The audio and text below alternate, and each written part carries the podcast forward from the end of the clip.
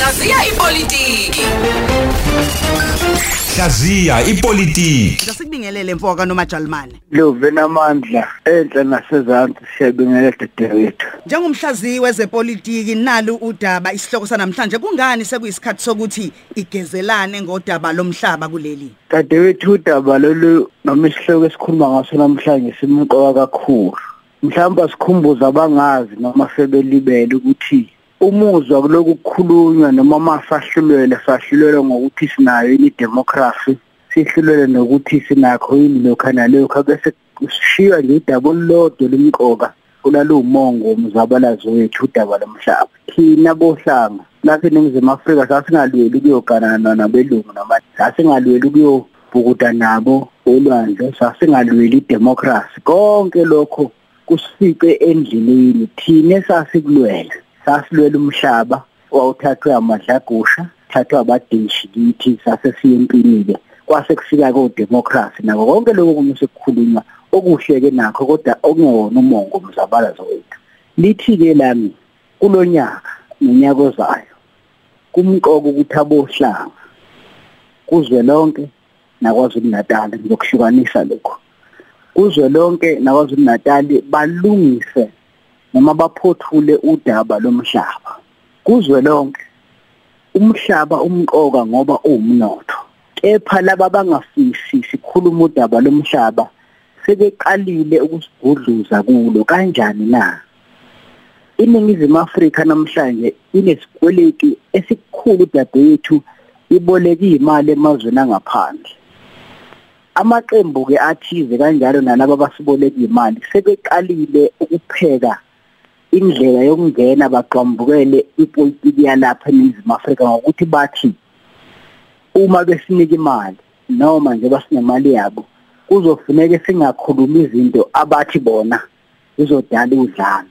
Eseqhulwini udaba lomhlaba ngamafuphi sebevumelene ukuthi bazobamba uhulumeni walapha kithi ngamakhwahla ukuthi njengoba sinike nje imali njengoba sinifuna nje imali ngeke sinike uma ningasiqinisekisa ukuthi inqubo mgomo yenu ayilikhuluma udaba lomhlaba ngoba thina naloko igama abalisabasa ngalo thina abatshali imali sizobaleka.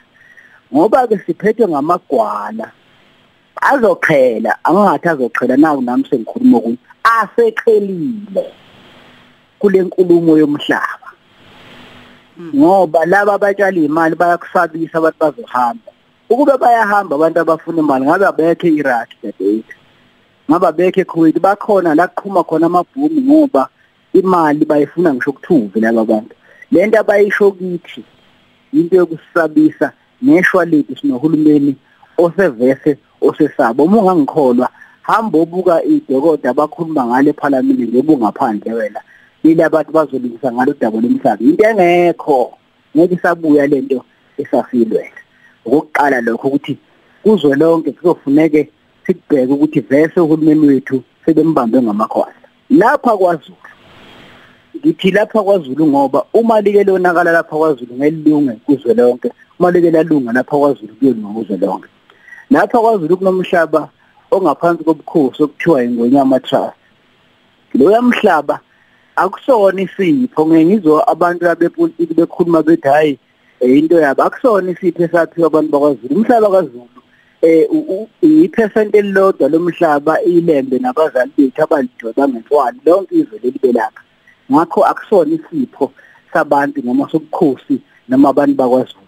Kepha yithonsi nje lomhlaba wabo. Inkinga ke khona manje lo lithonsi lomhlaba seligaxelwe ngabantu abafuna ukwenza imali okungaba amabhangi kanjani na? Uma ibhangi dadewethu umhlaba walapho kini lithi eh siyawuthatha emacambini sikunika imali. Uma ungasikhokheli sothatha leyo mhlaba. Ibhizinisi lelo leminyaka eyishumi ebhangi noma leminyaka engamashumi amabili kwesinye isikhathi iminyaka eyikhulu belokhu begaye nje imali ngawo. Sekukhona ukuthi laba abafuna ukulingenelela leli thonsi noma leli qatha sebeqalile ukufaka ingcindezi. Ngeke ke bayifake ingcindezi uma uhulumeni engavumanga. Uzovuma kanjani na? Uzovuma lento engisho phezulu ukuthi kuzwe lonke sevese seqalile ukwehlisa umoya ukuthi hayi ngeke sayithatha leli zwe ngalendlela esicabanga ngayo nalapha ke eh kwaZulu Natal kuzoba eh, isimo esifanayo. Engikushoyo ke nithi singakulungisa lokhu ngaphandle nje kwempi. Sikulungise ngokuthi abavoti abaqinisekise ukuthi njengoba benzile ohulumeni bendawo nakhulumeni lo siya kuona iqembu elingakhuluma umongo womzabalazo wethu okuwumhlaba. Alijeziswe. Into lesemthethweni akusimuntu. Uma nje nithanda iqembu leni nayo linithanda njengabantu abangenamhlaba alisho manje ukuthi liyolungisa kanjani le daba. Futhi ningalilindi kuze kube ukhethe ngoba manike nangalilungisa lo daba kule minyaka emibili ngeniphinde lilungise ngengabavoti sebenisana amandleni ukuthi ongeke alikhuluma udaba lomhlaba noma lingaphelanga kulonyaka ugoqwe Mm. ngeke sikwazi ukubavotela ngoba ayikho enye indlela osopolitiki bakithi ngiyabazwela. Sebehlulekile sebanje ngamakhwahla le mali esiyikoleta inkulu kakhulu ngeke basenza lutho. Noma ungayikhiphi i-ANC uthi ake yokhuluma abe abanye iqiniso lisekusayiniwe sekuphelile ngeke salunga lutho. Yiyo ngithi into esizolungisa yithi ngoba labantu abafuna uguqulo isinqumo ngomongo umzabalazi wethu bafuna ukugqambukela ezindabeni zezwe okuyinto eliphutha dadewethu.